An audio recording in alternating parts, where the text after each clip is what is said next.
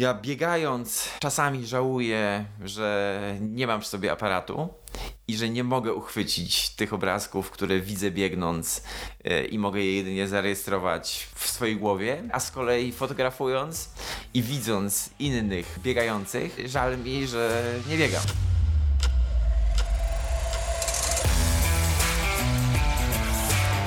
To był Jan Nyka. Ja się nazywam Kamil Dąbkowski i witam Was w podcaście Black Hat Ultra. Jest to podcast, w którym będę się spotykał z ludźmi związanymi z aktywnościami sportowymi typu ultra.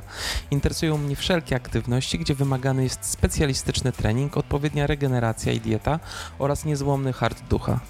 Podczas tych rozmów dowiem się, co tych niesamowitych sportowców motywuje oraz jak znajdują czas i energię na treningi. Chciałbym również stworzyć w głowie słuchacza jak najpełniejszy obraz moich gości, sięgając do ich osobistych przeżyć podczas wyzwań, których się podejmują.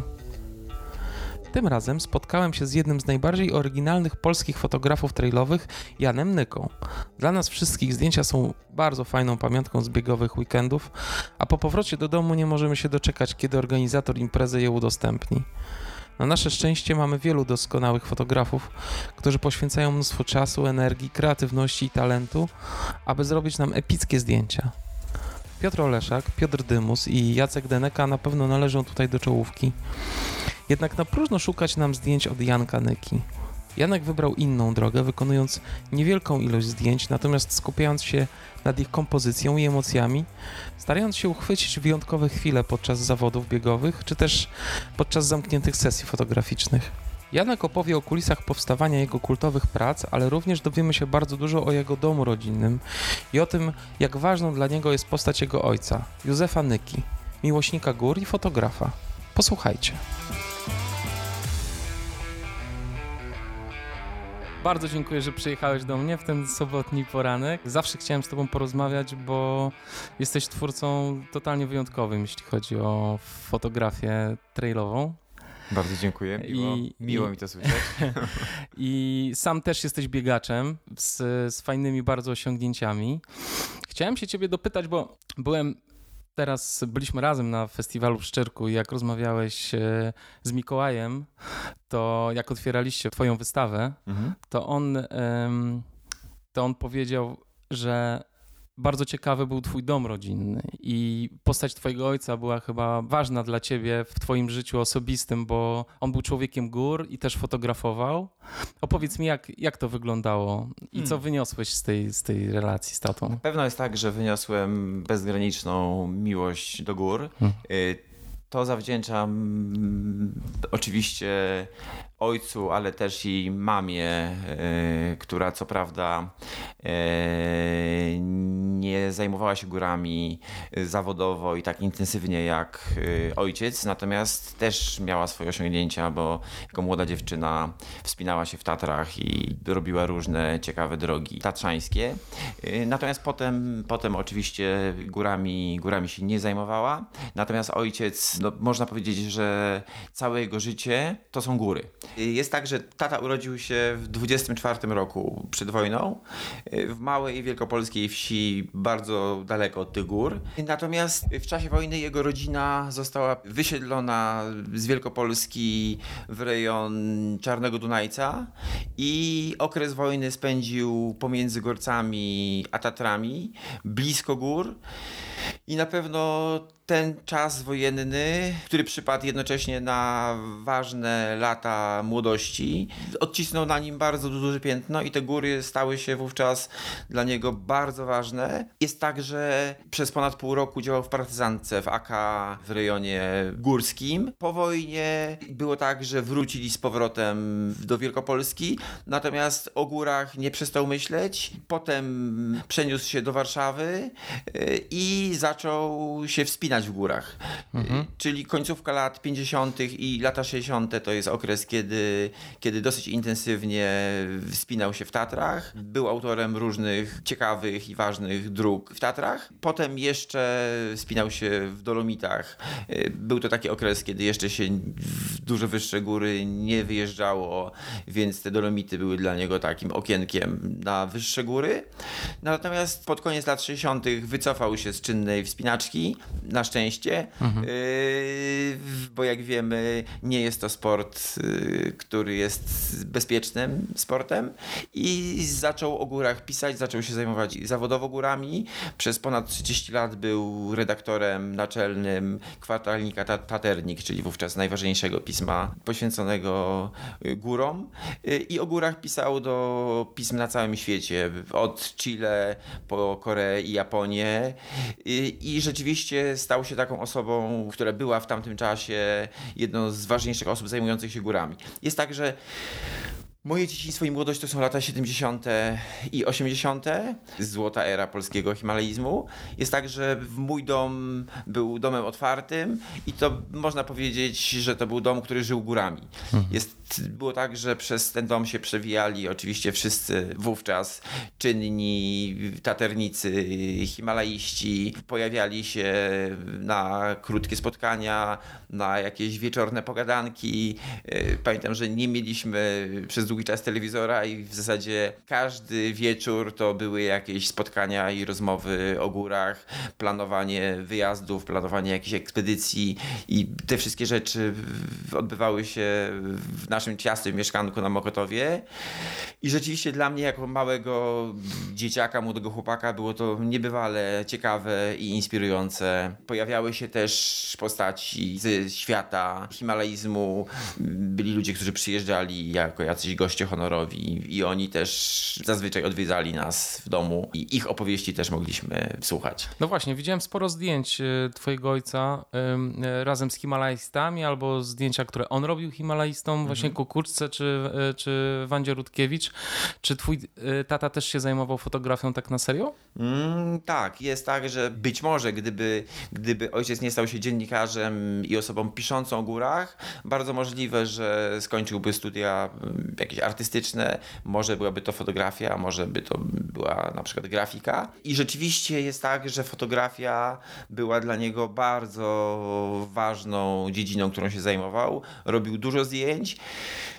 No i mogę powiedzieć, że był osobą, która mnie do tej fotografii wciągnęła, która mnie zainspirowała. Z bardzo wczesnego dzieciństwa pamiętam ojca w ciemni fotograficznej, pracującego nad zdjęciami. No i ja też niedługo później zacząłem jakieś tam swoje zdjęcia wywoływać, yy, obrabiać, yy, korzystać z tego samego powiększalnika i pod okiem taty stawiać jakieś pierwsze kroki fotografii. Więc rzeczywiście rzeczywiście jest tak, że ta jego postać miała bardzo duży wpływ na moją fotografię. Nawet teraz, jeśli chcę coś skonsultować, pokazać jakieś zdjęcie i uzyskać rzeczywiście jakąś, jakąś sensowną krytykę albo uwagę, uwagi na temat, na temat kompozycji zdjęcia, to rzeczywiście tata, pomimo tego, że ma 94 lata, ma nadal bardzo takie obiektywne, fajne spojrzenie i bardzo taki wyważony, sensowny ogląd tego, czy coś jest dobre, czy nie. To niesamowite. Posiadanie takiego mentora w postaci własnego ojca musi ci dawać ogromne wsparcie. Powiedz mi, jak rozwijało się twoje życie w domu przesiąkniętym górami? Czy ty też kiedyś wziąłeś się za wspinaczkę na serio? Za wspinaczkę nie, natomiast, natomiast oczywiście bardzo często jeździłem w góry. Natomiast najbardziej zawsze mnie pociągało i pociąga coś, co jest pomiędzy trudnym turystycznym a łatwym wspinaczkowym, mhm. czyli taki teren, gdzie już można się troszeczkę pogimnastykować, mhm. ale nie jest to wspinaczka skalna. Mhm. Kiedy u ciebie narodziło się bieganie w takim razie?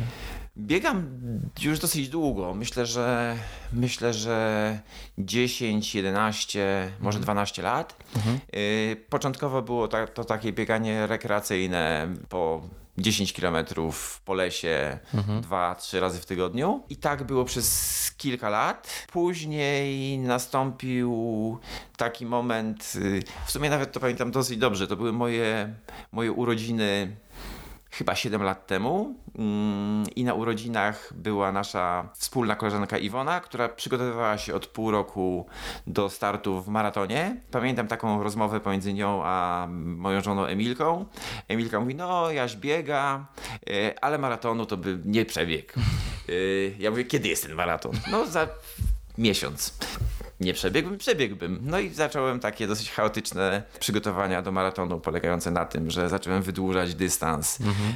y, coraz bardziej i bardziej i bardziej, do tego stopnia, że na tydzień przed y, maratonem przebiegłem 37 km, y, co jak wiadomo nie było najlepszym pomysłem treningowym. No i na tym właściwym maratonie nie było lekko, mhm.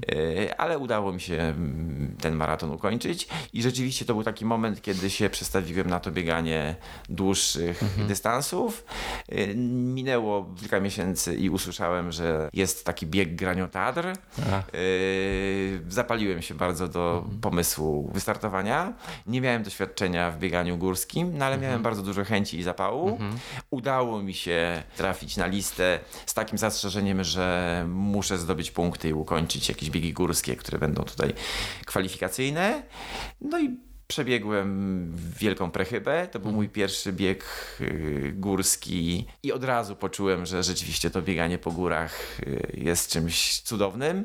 Potem był jeszcze bieg Marduły i bieg Granio Tatr, który nie bez różnych poważnych trudności, ale udało mi się ukończyć. Zazdroszczę ci mi się na tym Granio Tatr jakoś nie udało nigdy dostać, ale ale Mardułę sobie przynajmniej pobiegłem w zeszłym roku, więc fajnie było. Tak. A powiedz, i jak ten twój pierwszy kontakt z górami? E, to nie było dla ciebie trochę szokiem po tym płaskim warszawskim bieganiu? Mam wrażenie, że poszło to jakoś tak? gładko i, har i, harmonijnie i nie czułem tu jakiegoś mhm. przeskoku, który byłby niekomfortowy. Yy, oczywiście, że bieganie po górach jest większym wysiłkiem niż bieganie po lesie, ale jeśli się te góry kocha, mhm. to rekompensuje wysiłek. A teraz e, jak trenujesz? Masz jakieś cele biegowe swoje? No, Jak w ogóle podchodzisz do biegania teraz? Czy to jest dla ciebie y, nadal zabawa, czy Masz ochotę się trochę pościgać? Oczywiście. Zawsze na zawodach staram się ścigać sam ze sobą i, i z tymi, z którymi mogę się ścigać. Tak. Wiadomo, że nie jestem jakimś czołowym zawodnikiem, ale wkładam na pewno bardzo duże zaangażowanie w zawody mhm. i podchodzę do nich jak większość z nas w sposób poważny. ambicjonalny tak. i poważny oczywiście. I jak trenujesz w związku z tym? Y, czy trenujesz, masz trenera swojego? Nie, aktualnie nie mam, chociaż chociaż miałem takie epizody mhm. trenowania pod okiem Artura Jabłońskiego. Mhm. Natomiast ogólnie mam problem z wolnym czasem i na trening tego czasu nie zostaje zbyt wiele, mhm. więc staram się sam sobie ten trening w jakiś sposób ustawiać. sensowny ustawiać. Staram się biegać cztery razy w tygodniu. Mhm. Czasami pięć, czasami rzadziej. Tak Co, to mniej więcej wygląda. Musi ci to świetnie wychodzić, bo chyba tam 30 miejsce zająłeś na biegu Siedmiu Dolin ostatnio, prawda? Tak. No to chyba super osiągnięcie. No rzeczywiście czasami, no. czasami się udaje Fajnie. powiedz całkiem Fajnie. Dobrze. Masz jakieś, e, jakieś swoje ulubione trasy, ulubione imprezy? Tak, zdecydowanie tak. Nie biegałem do tej pory za granicą, więc to jest jeszcze dla mnie taka terra incognita. Mhm. Natomiast, natomiast w Polsce biegałem na różnych imprezach biegowych i na pewno do moich najulubieńszych należą biegi tatrzańskie, mhm. czyli bieg Marduły i bieg Granio Tatr. Też Wielka Prechyba jest takim biegiem, który, który udało mi się co roku uczestniczyć w nim i biec tę trasę. Już teraz chyba to było sześć razy. Jest jeszcze ZUK, czyli zimowy ultramaraton karkonoski, który należy do moich ulubionych zawodów. Jest to rzeczywiście piękna trasa. Jest dosyć duża różnorodność, yy, jeśli chodzi o warunki. No jest to bieg zimowy, tak. więc... Yy, Będziesz biegł w tym roku? Myślę, że będę biegł Aha. w tym roku i zobaczymy, co karkonosze w tym roku nam przygotują, bo bywały edycje bardzo biegowe, a bywały takie przygodowe, śnieżne, z koniecznością torowania w głębokim śniegu, z silnym wiatrem. Na pewno jest tak, że, że to jest taki bieg, gdzie można się spodziewać jakiejś przygody. Mhm. A do tego jest organizowany zorganizowany w niebywale fajny sposób. Jest to memoriał Tomka Kowalskiego. Są to zawody, które są organizowane przez jego bliskich przyjaciół i rodzinę. I rzeczywiście, i rzeczywiście jest to impreza z niesamowitą atmosferą, także warto tam się pojawić. Mam nadzieję, że w tym roku mi się uda i że nasi słuchacze też, też się pojawią. Mam jeszcze do Ciebie pytanie, czy masz jakiś na przykład e, bieg, który toczy się gdzieś na świecie, który tak bardzo Ci siedzi z tyłu głowy i gdzie czujesz, że chcesz pojechać i powiedz go? Myślę, że trudno by mi było powiedzieć o jakimś jednym konkretnym biegu, w którym chciałbym wziąć udział. Na pewno jest tak, że, yy, że bardzo spodobały mi się Dolomity, w których byłem króciutko w czerwcu, fotografując w czasie trwania Lavaredo. Mhm. I rzeczywiście Dolomity, Dolomity są tak piękne, mhm. że chciałbym tam kiedyś wystartować mhm. i powiedz w którymś z biegów. A próbowałeś kiedyś e, łączyć bieganie i robienie mhm. zdjęć? Próbowałem, ale yy, nie wychodzi to najlepiej.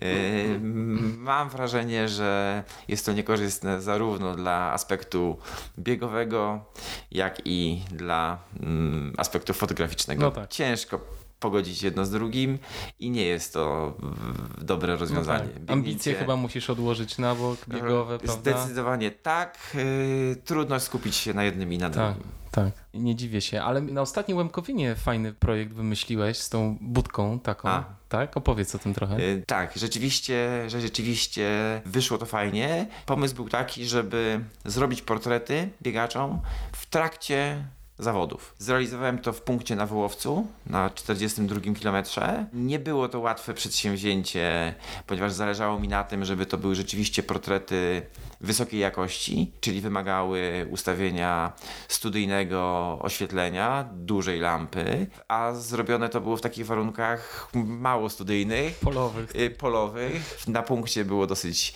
ciemno, zimno, wietrznie, mgliście. Na pewno sporym wyzwaniem były takie aspekty, które, które są istotne, żeby zrobić dobry portret. To znaczy było tam tak ciemno, że miałem problem z nastawieniem ostrości y, i na pewno ciekawym doświadczeniem doświadczeniem było również przekonanie biegaczy do tego, żeby poświęcili mi te pół minuty po to, żebym mógł zrobić im portret.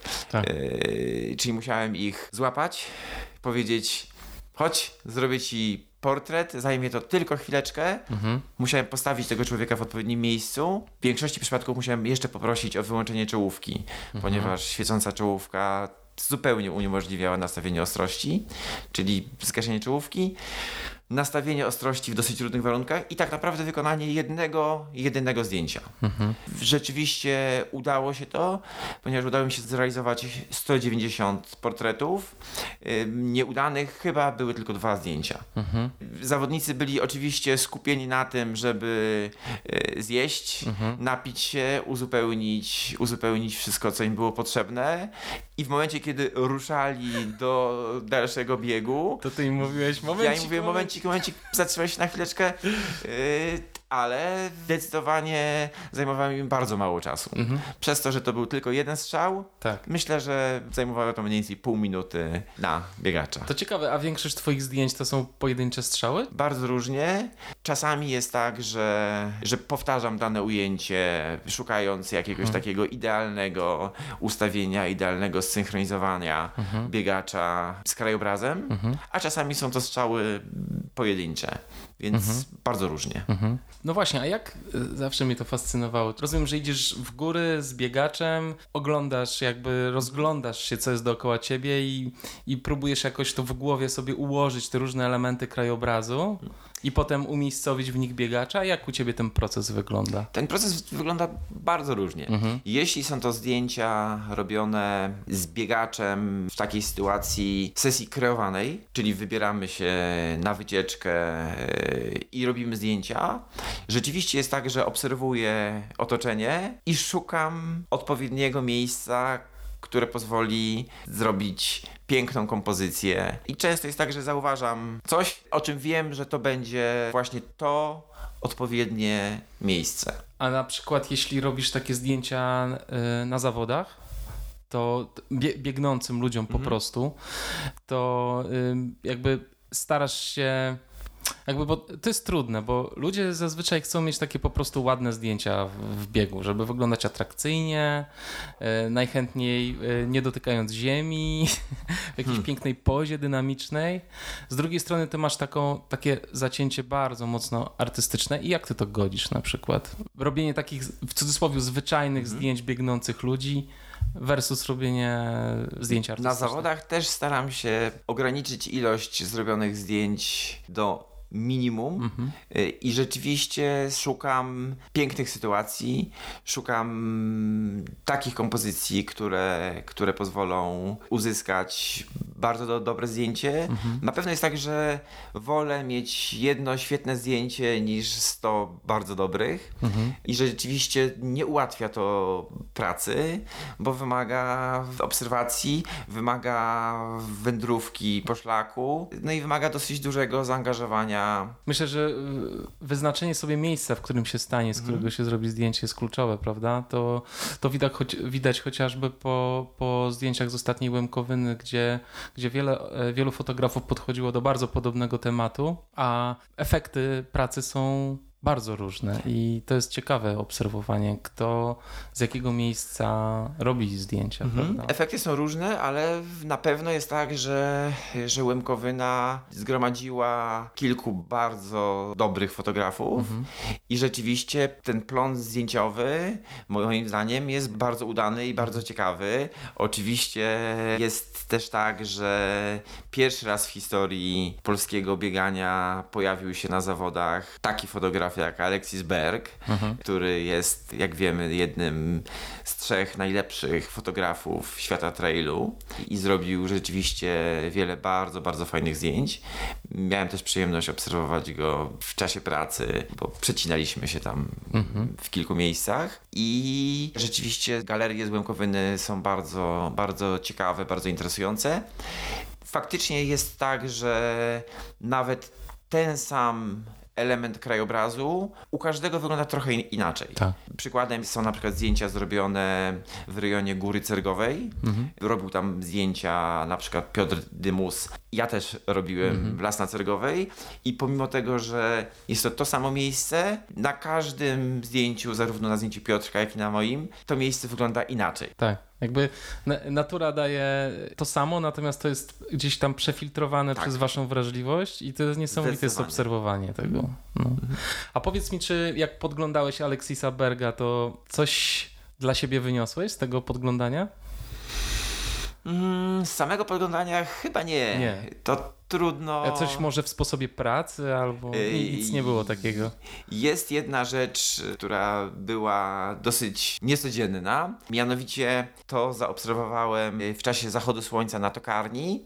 Było tak, że Alexis co i róż miałem wrażenie, że wyciera przednią soczewkę swojego obiektywu. Moja żona była bliżej trochę Alexisa i później od niej się dowiedziałem, że Alexis pluł na ten obiektyw, rozcierał w jakiś odpowiedni sposób ślinę, ślinę i robił zdjęcie z jakimś takim efektem takiego, takiego znieostrzenia, hmm. więc to jest taki Ciekawe. element ciekawy, niecodzienny i niespotykany. A jeśli miałbyś wskazać na jakichś swoich mistrzów fotografii, to o kim byś powiedział? Hmm, no na pewno na wspomnianego przed chwilą Aleksisa Berga, którego zdjęcia ubóstwiam, mhm. bardzo lubię je oglądać. Rzeczywiście, rzeczywiście jest to ktoś, kto, kto ma bardzo artystyczne podejście do fotografii. Jego ujęcia są bardzo przemyślane. Widać też, że dopracowuje fotografię i że ważne jest dla niego zarówno kompozycja, jak i inne spojrzenie, ale też postprodukcja samych zdjęć. Oczywiście bardzo dobrym fotografem jest Saragossa i to jest też wielkie nazwisko, mhm. ważna postać. Czy ty troszeczkę rywalizujesz z innymi fotografami? Robiąc zdjęcia na tej samej trasie? Hmm. Myślę, że nawet jeśli tego sobie nie uświadamiamy, pewnie w jakiś sposób rywalizujemy. Mhm. Natomiast y, na pewno jest tak, że ja przede wszystkim staram się zrobić możliwie dobre zdjęcia. Mhm. E, czyli skupić się na fotografii, skupić się na znalezieniu i uchwyceniu czegoś nieuchwytnego. Mhm. Czyli na tym, żeby, żeby dobrze zrobić swoją robotę. Mhm. Bo tak naprawdę dla mnie najważniejsze jest to, że ze zrobionych zdjęć ja mam być zadowolony. To jest, to jest, to jest dla mnie najistotniejsze. A pytałeś jeszcze wcześniej o fotografowanie, a bieganie. Tak. Jest też tak, że ja biegając czasami żałuję, że nie mam przy sobie aparatu i że nie mogę uchwycić tych obrazków, które widzę biegnąc e, i mogę je jedynie zarejestrować w swojej głowie, a z kolei fotografując i widząc innych biegających, żal mi, że nie biegam. Więc taki to jest troszkę Tak, czasem sytuacje są pewnie tak piękne, że masz ochotę odłożyć ten sprzęt i Tak. ruszyć zabiegaczami. zdecydowanie tak. No. Na kilku Twoich zdjęciach udało Ci się e, złapać taki decydujący moment. Pamiętam takie jedno zdjęcie Marcina Świerca, gdzie w dużej nieostrości z ręki wyskakuje mu ścieżka, która gdzieś jest tam kilkaset metrów dalej. Takie przykłady można by mnożyć. Czy też szukasz takich mom- momentów, czy one Ci się po prostu przytrafiają? Hmm, myślę, że myślę, że raczej się przytrafiają, bo tu trudno mówić o szukaniu.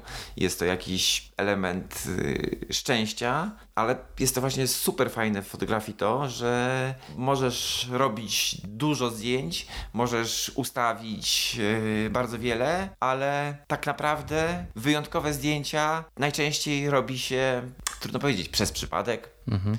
Jest to jakiś łód szczęścia, trudno powiedzieć. No tak, ale talent też pomaga takiemu przypadkowi. Pewnie umówmy, tak. umówmy się, to nie jest tak. Że... E, A powiedz, e, bo wspomniałeś o postprodukcji. Na ile ważna postprodukcja jest e, dla ciebie? Na pewno jest to ważny element pracy nad zdjęciem. Oczywiście jest tak, że nawet najlepsza postprodukcja nie pomoże przeciętnemu zdjęciu, Mhm. więc jest tak, że wybieram zdjęcia, które rzeczywiście są tymi najlepszymi, tymi, z których jestem najbardziej zadowolony. No i te zdjęcia biorę na warsztat, czyli staram się wydobyć z takiego zdjęcia trochę więcej. Y, Natomiast jest to praca związana ze zmianami kon- kontrastów, z podciągnięciem kolorów. Nie jest to montaż, tylko jest to, tylko jest to praca postprodukcyjna. Kiedyś taką postprodukcję uprawiano w, w ciemni. Tak. Współcześnie, Tak. współcześnie to są tylko środki, a może aż środki cyfrowe, które pozwalają na. Dokładnie. Ja miałem Naprawdę. szczęście, żeby przez, że przez ten taki proces pracy Mhm. nad zdjęciami tradycyjny, analogowy przeszedłem Mhm. i rzeczywiście przez, przez, przez długie, długie lata siedziałem w ciemni fotograficznej. Faktycznie ten moment, kiedy zdjęcie w wywoływaczu zaczyna nabierać kształtów jest niesamowitym doświadczeniem. Tak. A czy jeszcze wracasz czasami do świata analogowego? Nie, ni- niestety, niestety nie mam na to czasu. Mhm. Gdybym dysponował większą ilością wolnego czasu, myślę, że lubiłbym równolegle Mhm. z fotografią cyfrową bawić się fotografią analogową, bo rzeczywiście jest to fajne doświadczenie. Mhm. Dobrze, chciałbym teraz, żebyśmy popatrzyli trochę na Twoje zdjęcia i żebyś opowiedział Dobrze. ich historię. Słuchaczy zapraszam na YouTube'a, bo tam będziemy jednocześnie mówić i pokazywać zdjęcia, o których mówimy, więc e, serdecznie zapraszam, ale osoby, które słuchają, też na pewno dużo wyniosą, więc e, za chwilkę słyszymy się ponownie.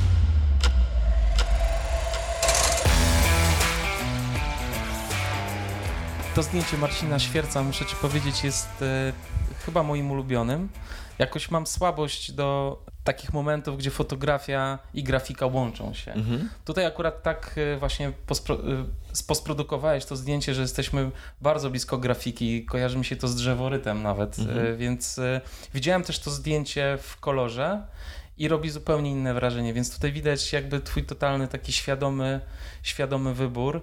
I, e, I widać, jak to postprodukcja czasem totalnie e, służy i tworzy tak naprawdę finalną pracę. E, Opowiedz trochę o tym zdjęciu, jak, jak je wspominasz. Na pewno jest tak, tu jeszcze nawiążę do tego, co mówiłeś, że bywa tak, że pozbawienie zdjęcia koloru, zamienienie je na czarno-białe jest bardzo ważnym zabiegiem. To zdjęcie z Marcinem jest też jednym z moich ulubionych zdjęć. Rzeczywiście jest tak, że wygląda tak, jak chciałem, żeby wyglądało. To jest zdjęcie, które zostało zrealizowane na takiej dosyć długiej, całodziennej sesji zdjęciowej w Tatrach. To była taka sesja od świtu do zmierzchu i wyglądało to tak, że schodziliśmy z grani przez Świńską Przełęcz i ja już na samej górze zobaczyłem w dolince w dole taki duży płat śniegu i pomyślałem sobie, to jest miejsce, gdzie musimy zrobić zdjęcie, że to po prostu super zagra. Zobaczymy, że za tym płatem śniegu y, płynie woda w podobnym kierunku, jak takie linie na tym płacie mhm. y, i że to na pewno będzie tworzyło bardzo fajną kompozycję. Tu, tutaj jest ta woda, tak? Mhm. Tak, tu, tu, mhm. tu, jest ta woda płynąca po skałach. I jak zeszliśmy mniej więcej na wysokość tego płatu śniegu, okazało się, że to jest trochę poza szlakiem, trochę z boku, że dostęp tam nie jest zbyt łatwy, ale stwierdziłem, musimy to zrobić. Mhm. I udało mi się namówić Marcina, przemieściliśmy się w to miejsce, ustawiłem kadr i było tak, że w, robiąc zdjęcie wiedziałem już, że to będzie, że to będzie ważne zdjęcie, że ono na pewno będzie udane i że to jest właśnie to, że to będzie to, czego szukałem. To, czego szukałem, że to będzie najfajniejsze zdjęcie z tej naszej długiej sesji. Mhm. I tak rzeczywiście się okazało. Na pewno te, też jest istotne to, że pozbawienie tego zdjęcia koloru, zamieniana mhm. na czarno-białe, bardzo dużo tu dała mniej, czasami to jest więcej. Mhm. I w tym przypadku to, że jest to zdjęcie monochromatyczne z bardzo takim silnie wcinającym się białym. Tak, kontrast jest e, duży. Tak, mhm. białym płatem śniegu, że jest drapieżne, że jest graficzne i że jest to super kompozycja. To jest zresztą cała klatka. To tak. zdjęcie nie było kadrowane. A. Zresztą większość moich zdjęć to są pełne kadry, bo rzeczywiście jest tak, że patrząc w wizjer staram się, staram się kadrować zdjęcie już w momencie robienia tego zdjęcia. Mhm. Więc te zdjęcia są tak zwanymi setkami i bardzo rzadko się zdarza, żebym zdjęcie kadrował mhm. potem w czasie obróbki. Ja ci powiem, jak pierwszy raz widziałem to zdjęcie, może nie w jakimś super zbliżeniu, ale ja sobie wyobraziłem, że tak naprawdę Marcin wybiega tutaj z takiej jaskini. Tak. Mhm. A że to wcale nie jest, to z tyłu to nie jest płat śniegu, tylko że to jest niebo. Mhm. I e, także tu też. E, Różne są skojarzenia. Tak. Słyszałem też, e, że to jest taka paszcza e, tak, otwierająca absolutnie. się, z której wybiega. E, absolutnie tak ta graficzna postać biegacza. To jest wspaniałe i właśnie super, że tak naprawdę wszystko jest ostre, jest trochę spłaszczona perspektywa, mhm. co właśnie potęguje ten efekt. Zdecydowanie tak. Także to jest świetne. To jest to zdjęcie, o którym mówiliśmy wcześniej z Łemkowyny. Czyli las na Cergowej. Tak. E, no tu też jest, znaczy tu natura jakby dała bardzo dużo do tego Natura zdjęcia. i odpowiedni moment dnia, tak. przepiękne światło. boczne światło, mhm. które stworzyło taki kontrast na tych drzewach, że to zdjęcie, to zdjęcie też jest tak naprawdę bliskie temu zdjęciu poprzedniemu, mhm. E, czyli jest graficzne. Pionowe linie drzew tworzą bardzo fajną, graficzną kompozycję. Tak też warto, namawiam wszystkich słuchaczy, żeby poglądali inne zdjęcia innych fotografów e, z tego lasu, bo tam też są pie- Szczególnie piękne... zdjęcia Piotra Dymusa, Piotr, tak, które Piotra są Dymusa. też bardzo fajne. Inne spojrzenie inne. na ten sam temat. Tak, tak, tak. To super. O, to jest o. zdjęcie, które o którym w Szczyrku opowiadałeś, że, że bardzo je lubisz. Rzeczywiście jest e, niezwykłe. Opowiedz troszkę o nim. No to jest, to jest zdjęcie, które jest dla mnie bardzo ważne. Jest to zdjęcie zrobione rok temu na mecie TDS-a w Chamonix. Miałem wówczas y, dostęp do fotografowania na tej mecie trochę ograniczony, to znaczy nie miałem wejścia w ten taki najlepszy sektor, y, gdzie by było stosunkowo niewielu fotografów, y, a robiłem zdjęcia z boku, mhm. ale tak naprawdę dzięki temu udało mi się zrobić kilka takich zdjęć, których nie zrobili inni fotografowie, którzy byli w, zdawałoby się, lepszym miejscu. Tak. I to jest tak, że to zdjęcie było zrobione wieczorem. Pierwsi zawodnicy TDS-a y, przybiegali na metę już o zmroku. Na zdjęciu jest zawodnik, który był drugi albo trzeci, mhm. nie pamiętam, Sylwaj. Syl Sylwian Kami. Sylwian Kami, tak.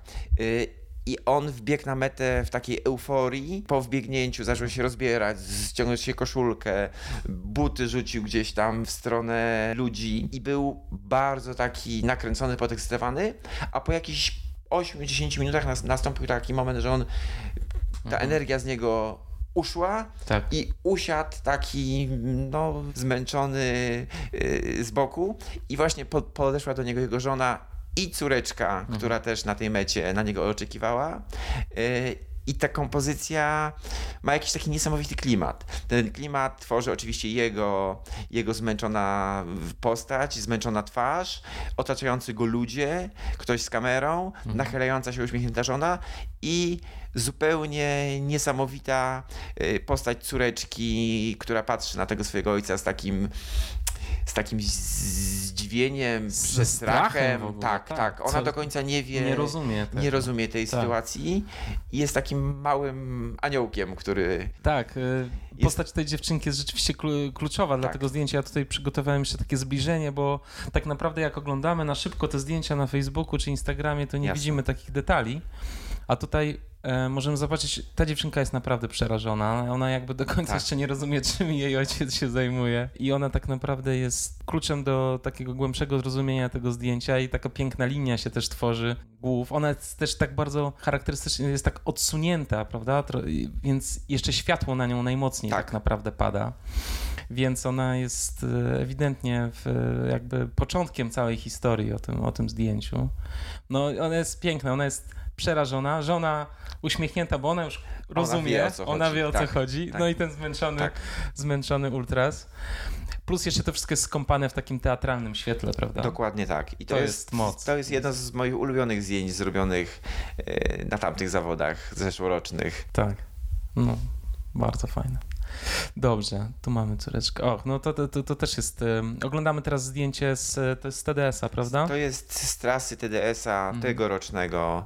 Na przodzie widzimy rozmyte trawy, w środku ostrych zawodników, którzy się układają w ogóle w taki, taki niesamowity wzór. Oni podchodzili zygzakiem tutaj, Oni prawda? podchodzili zygzakiem i ja spędziłem w tych trawach sporo czasu szukając takiej wyjątkowo fajnej kompozycji. Była to duża ilość zawodników, którzy tak wędrowali w różne strony. Mhm. Yy, I rzeczywiście tutaj też wyczekałem taki moment, gdzie przeleciał po niebie samolot, zostawiając taką linię świetlistą i ona tutaj bardzo fajnie działa kompozycyjnie. Tak. Znowu tworzy coś tak jak w tamu Marcina, prawda? Tak, w dokładnie. tym pierwszym zdjęciu. Dokładnie, tworzy się, Taki trójkąt. tworzy się trójkąt. Mhm. Chyba w ogóle dobranie odpowiedniej ostrości chyba musiało być trudne. Nie było łatwe, no. bo zdjęcie było robione przez trawy i one Mhm. troszeczkę zakłócały, No właśnie. zakłócały nastawianie ostrości, ale się... No ale udało się. Ale się udało. Wspaniałe.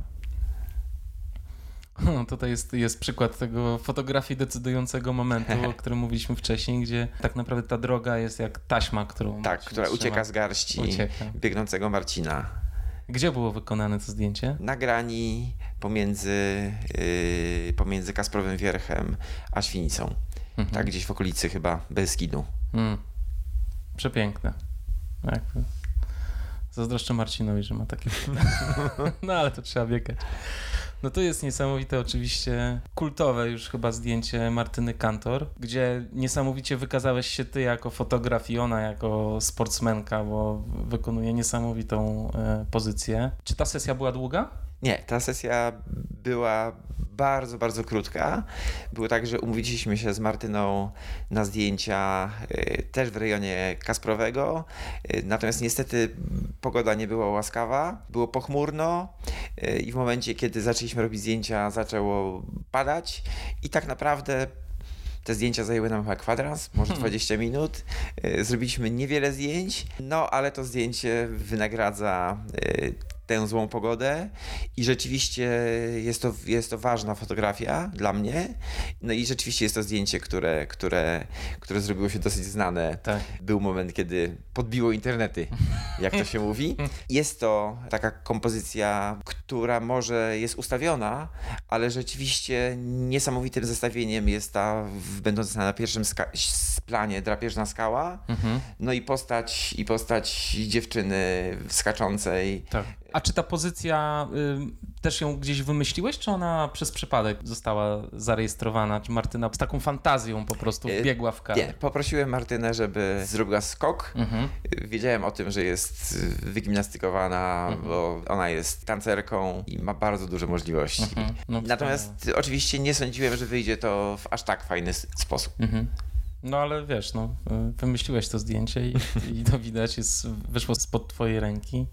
Wspaniała rzecz. No, to też jest. Um, oglądamy teraz zdjęcie z, Marcinem, z, z Marcinem Świercem. Jejku, aż ciężko mi sobie wyobrazić, skąd ten Marcin wbiegł tam, jak tutaj w ogóle nie spadł z tej skały. Y, to też są Tatry, tak? To są Tatry słowackie. Mhm. No niesamowite. Skrót perspektywiczny tutaj. E, tak, to jest zdjęcie zrobione, zrobione długą bardzo ogniskową, tak. E, która właśnie powoduje, że, że drugi plan bardzo się przybliża i powiększa i rzeczywiście niesamowicie tu wygląda ta skalna ściana, na tle której widzimy małą, kruchą sylwetkę Tak, ale w biegacza. ogóle mnie bardziej zachwyca mhm. to, po czym biegnie Marcin, w sensie z, z, z, jak oglądamy to zdjęcie, to mamy wrażenie, jakby on w ogóle zaczął biec ze skraju przepaści. Mhm. I to jest niesamowite. Mhm. Także y, no, wspaniałe, wspaniałe zdjęcie. O, tutaj opowiedz trochę o głównej bohaterce y, tego zdjęcia.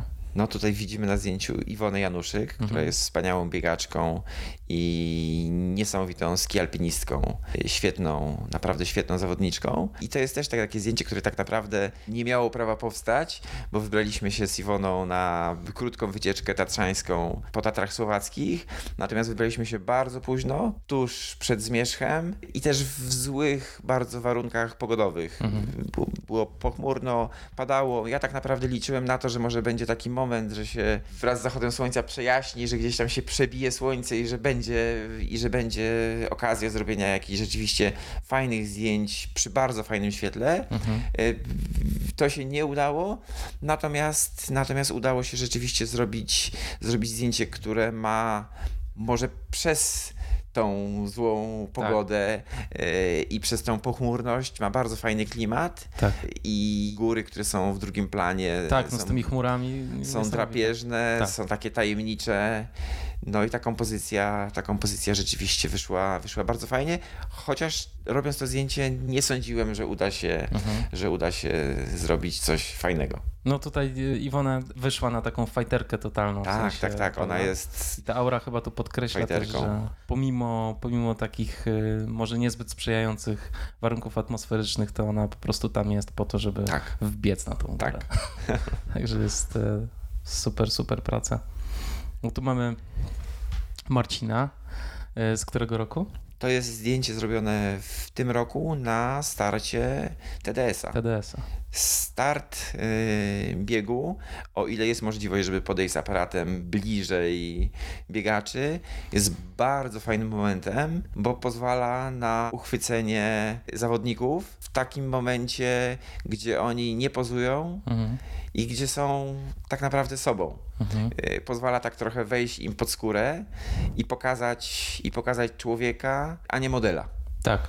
Y, więc jest to moment, który ja bardzo, bardzo lubię i jeśli jest okazja, y, bo nie zawsze na dużych zawodach jest możliwość, żeby podejść, mhm. podejść blisko i zrobić tam zdjęcia, to jeśli taka możliwość jest, to, mhm. to bardzo chętnie to z niej z korzystam. Tu mamy Marcina, który jest takim, takim właśnie, tak jak powiedziałeś, fighterem. Tak. Widać, że jest skupiony, ukierunkowany i że on będzie, będzie zaraz walczył. walczył. Tak.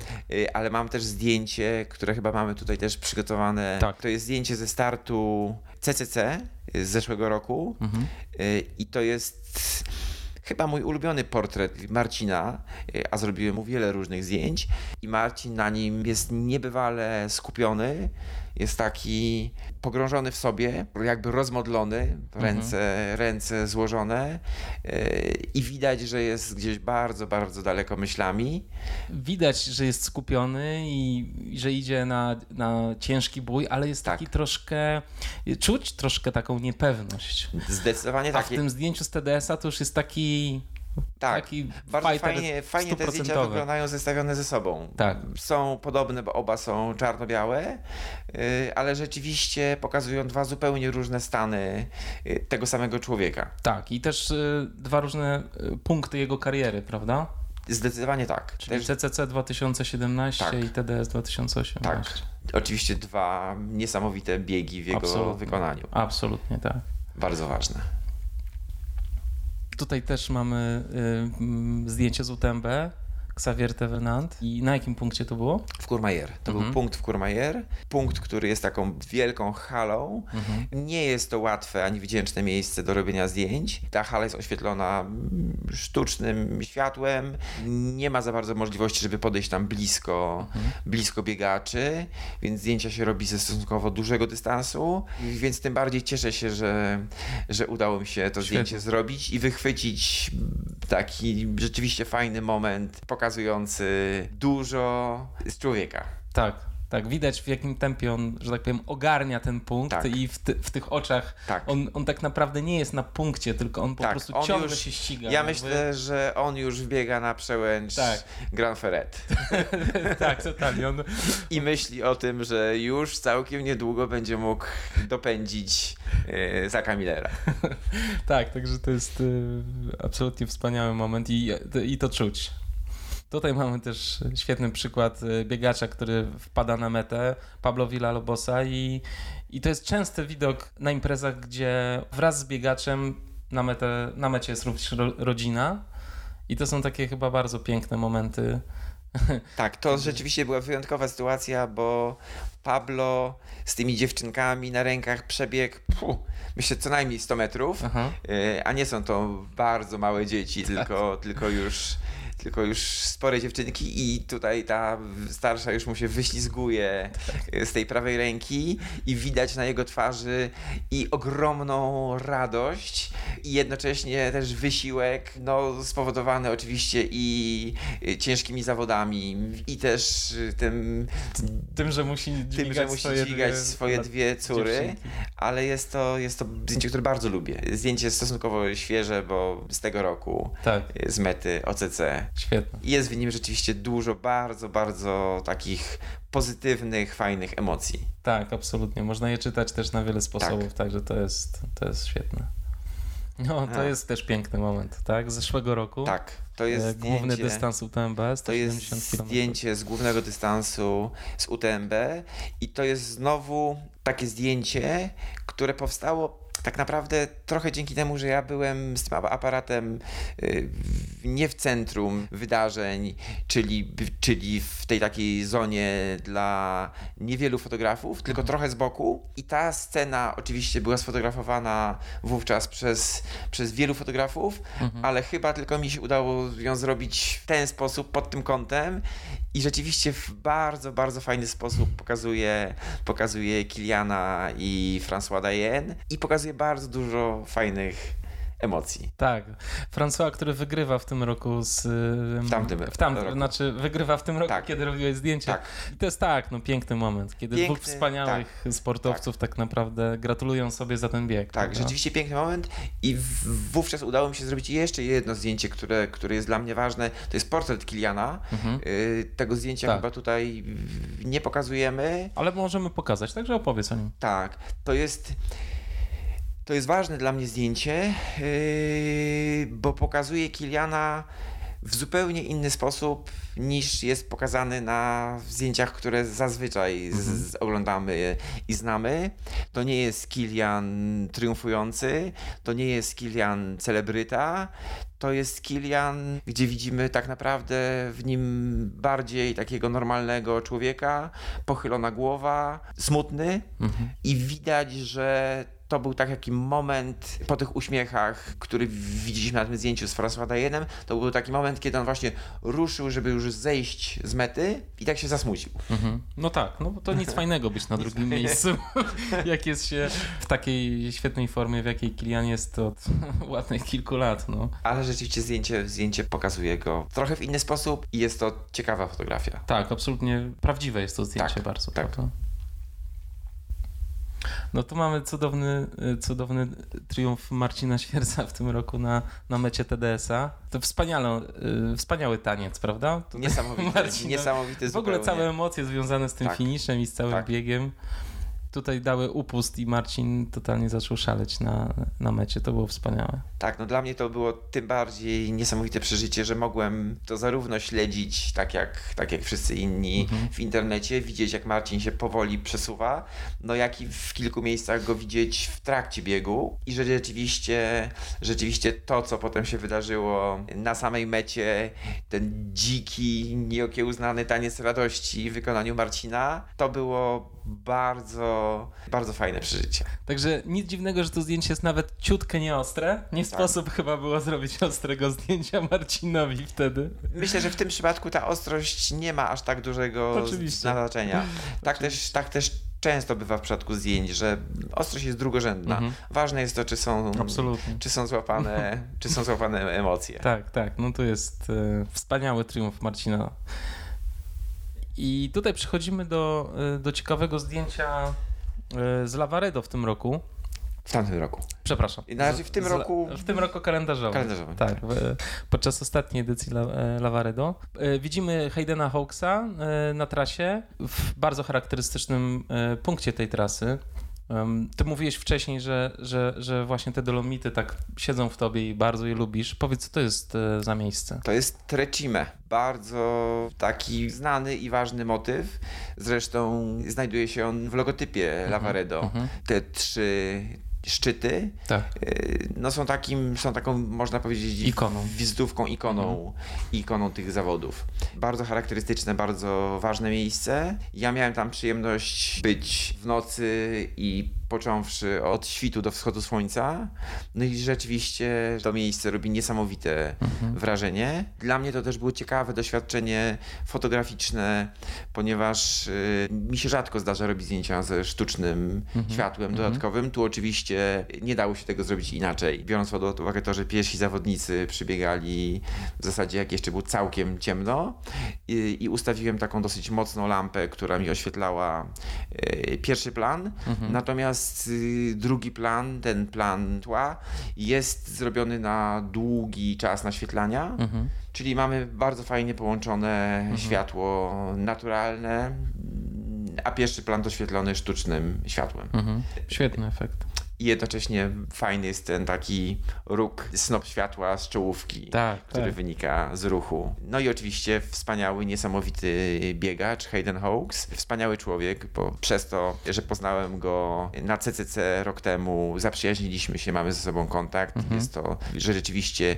i niesamowity biegacz, jeden z najlepszych na świecie i bardzo, bardzo fajny człowiek. Tutaj miał poważne problemy na trasie mhm. E, zdrowotne. Tak naprawdę, jak zobaczyłem go w tym momencie, kiedy zrobione zdjęcie, myślałem, że nie ukończy tego biegu. Mhm.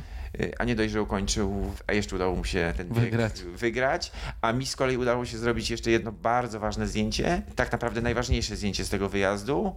Zdjęcie to właśnie, mhm. E, na którym widzimy Haydena na dosłownie dwie minuty po przekroczeniu linii mety w ramionach Krystyny Murgi, która jest dyrektorką Lavaredo. I to jest moment, kiedy Hayden Hawks mdleje. Mhm. E, mi udało się zrobić to jedno zdjęcie, zobaczyłem, że Hayden mdleje, podbiegłem do Krystyny, pomogłem jej podtrzymać Haydena, mhm. no i dopiero po chwili, po chwili przybiegli, przybiegli medycy i Haydena ratowali. Mi się nie, nie chce aż uwierzyć, że to jest po prostu jedno zdjęcie. Mhm. Prawda? Jedno, jedyne zdjęcie. Złapałeś taki moment, że po prostu to jest e, tak. coś niesamowitego. Tak, rzeczywiście, rzeczywiście jest to bardzo, bardzo ważne zdjęcie dla mnie. Mhm. E, tak naprawdę, gdybym wrócił z Lavaredo tylko z tym mhm. zdjęciem y, uznałbym, że było warto, warto że było warto się tam wybrać y, tak naprawdę dla zrobienia, dla zrobienia tylko tej fotografii. Tak. A powiedz, bo dostałeś e, maila od Krystyny Murdzi kilka dni temu, opowiedz o tym. Rzeczywiście w tym tygodniu wydarzyła się bardzo fajna historia. Zostałem zaproszony jako oficjalny fotograf na najbliższą edycję Lavaredo. Jest to niebywale duże wyróżnienie. Wow. No i coś, z czego się bardzo, bardzo cieszę. No tak.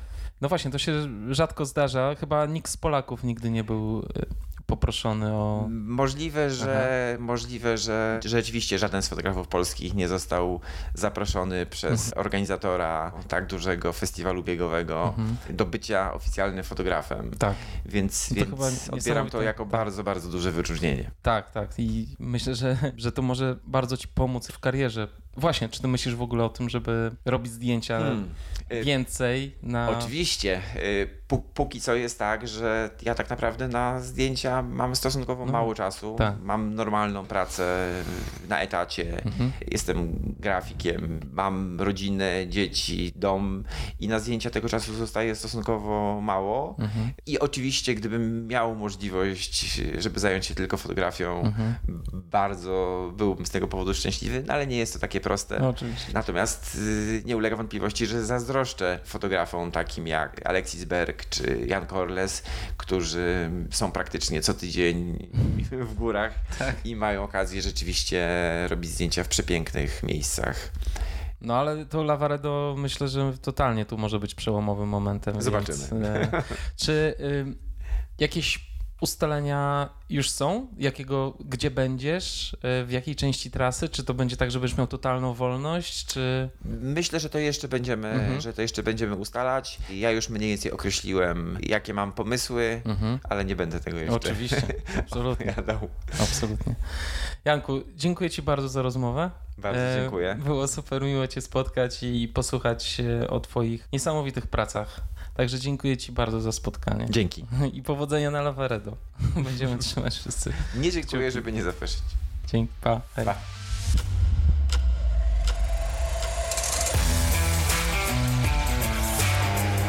Dziękuję bardzo za odsłuchanie już dziewiątego odcinka mojego podcastu.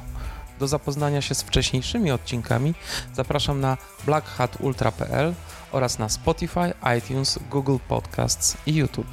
Wystarczy, że wpiszecie hasło Black Hat Ultra. Lajkujcie, subskrybujcie. Społeczność wokół tego podcastu ciągle rośnie i bardzo mnie to cieszy. To wszystko dla Was i dzięki Wam. Dzięki Waszej miłości do gór i zaangażowaniu w aktywny tryb życia. Tak trzymać. Dzięki i buźka.